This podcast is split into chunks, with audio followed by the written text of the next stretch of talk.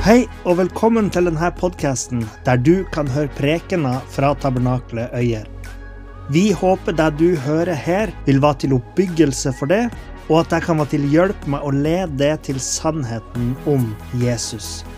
Hvis du ønsker å finne ut mer om oss, kan du gå inn på hjemmesida vår på tabernakletoyer.no.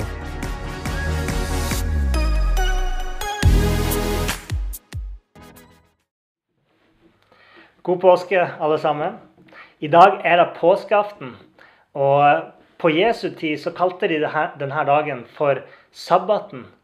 Sabbaten var jødene sin hviledag. eh, og Det betyr at de hadde ikke lov til å utføre noe arbeid på den dagen. Det står ikke så mye i Bibelen om hva som skjedde denne dagen etter at Jesus hadde dødd. Men vi får raskt et inntrykk av at disiplene måtte ha opplevd en forferdelig sorg og savn etter Jesus. Han hadde vært deres beste venn, deres mentor, deres læremester. Men han var også mye mer enn det, fordi de kalte ham for Guds sønn, Messias. De så på han som Israels lovede frelser. Han skulle være jødene sin konge. Men nå hadde han dødd en skamfull og ydmykende død på korset. Og for de så måtte ha føltes som et sjokk. Og de måtte ha kjent på en enorm sorg for tapet av Jesus. Men siden det var hviledag, så ga det òg rom for å sørge den dagen. Og det ga òg rom for de til å tenke over hva som hadde skjedd, og hva Jesus hadde betydd for dem. Og jeg tenker at vi òg kan bruke denne dagen til å tenke litt over det vi hørte om i går, om Jesu lidelse og død. Døperen Johannes, når han så Jesus, så sa han til folk rundt seg Se, Guds lam, han som fører bort verdens synd. Jesus han var en syndebukk. Og jeg vet at det kan høres ut som en rar ting å si om Jesus. Men det er faktisk sånn at vi har ordet syndebukk fra Bibelen. I Det gamle testamentets tid, når jødene hadde tempel og de holdt på med dyreofringer, så var mye av det de gjorde, egentlig bare et bilde som peka fram mot Jesus. Og de hadde en bukk som de kalte for syndebukk. Og den syndebukken, den la folket sin synd på som symbolsk, en symbolsk handling. Og så ble den bukken ført langt ut i ødemarka for å ta vekk folket sin synd. Og liksom føre synden så langt bort fra folket som mulig. Jesus ble en sånn syndebukk for oss. Når han døde på korset, så bar han verdens synd. Og Johannes sa da, se Guds lam som fører verdens synd bort. Og Jesus han førte ikke bare synden bort symbolsk sett. Og han førte den ikke bare ut i ødemarka.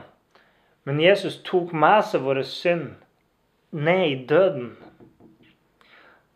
Og det betyr at når vi tror på Jesus, og vi gir vårt liv til Han, og vi sier 'Kjære Gud, tilgi meg for alt jeg har gjort. Jeg har lyst til å leve mitt liv for det', så, så vet vi da at da har Jesus tatt vår synd.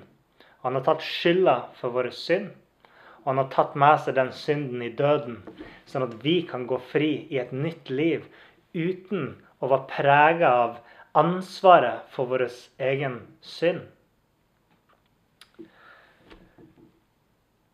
Så noen mennesker vil si at eh, hvis alt som skulle til, var at et menneske måtte dø for at verden skulle bli frelst, eller for at vi skal komme til himmelen, så er det noen som sier men jeg òg kunne jo ha gjort det samme som Jesus. Jeg kunne vel ha greid å gå gjennom hans lidelse og dødd på korset hvis at det virkelig var prisen som måtte betales for at alle mennesker skulle, skulle ha muligheten til å bli frelst.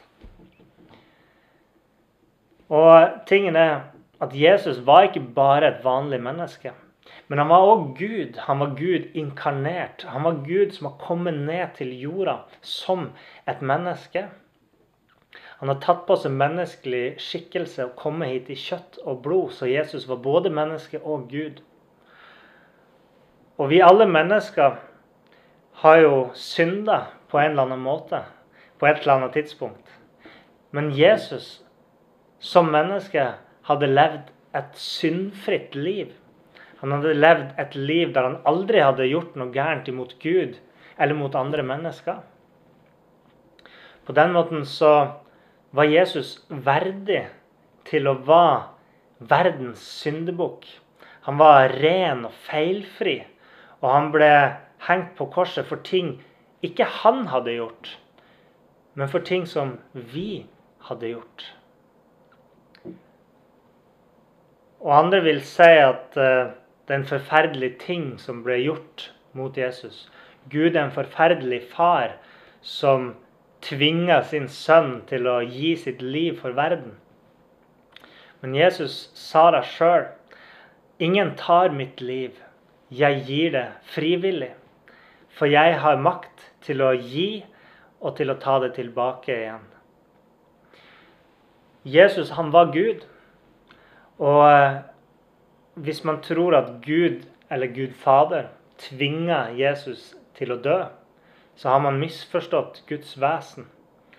For Gud er treenig og har fra evighet av bestått av Gud Fader, Gud Sønn og Gud Den hellige ånd.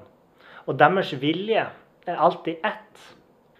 Og Hebrebrevet snakker om at eh, Jesus han, gjennom sitt liv så var han lydig. Og hans lydighet kom fra at hans vesen som Gud var ett med treenigheten. Så Jesu vilje var ett med Faderens vilje. Og Derfor så sier han at han ga sitt liv frivillig. Denne historien er den vakreste fortellinga som noen gang har blitt fortalt til oss mennesker. Den vakreste historien som noen gang har skjedd om en Gud som gir avkall på sitt eget for å komme ned til oss, for å redde oss og for å gi oss liv. Det er i Jesus vi finner det perfekte eksempelet på kjærlighet. En som gir sitt liv for andre. Han som sjøl hadde fortjent liv.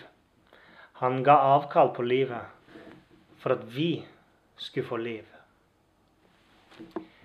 Bli med oss i morgen på gudstjeneste, og da skal vi få høre mer om hva som skjedde videre i historien om Jesus.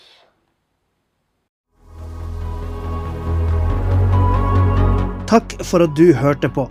Hvis du tok et steg i tro i dag, eller du har noe du ønsker forbønn for, så vil vi gjerne høre ifra det via e-postadressen kontakt alfakrølltabernaklet.oier.no. Du er òg velkommen til våre ukentlige gudstjenester i menighetslokalet i Haugskutua 5 26 36 Øyer.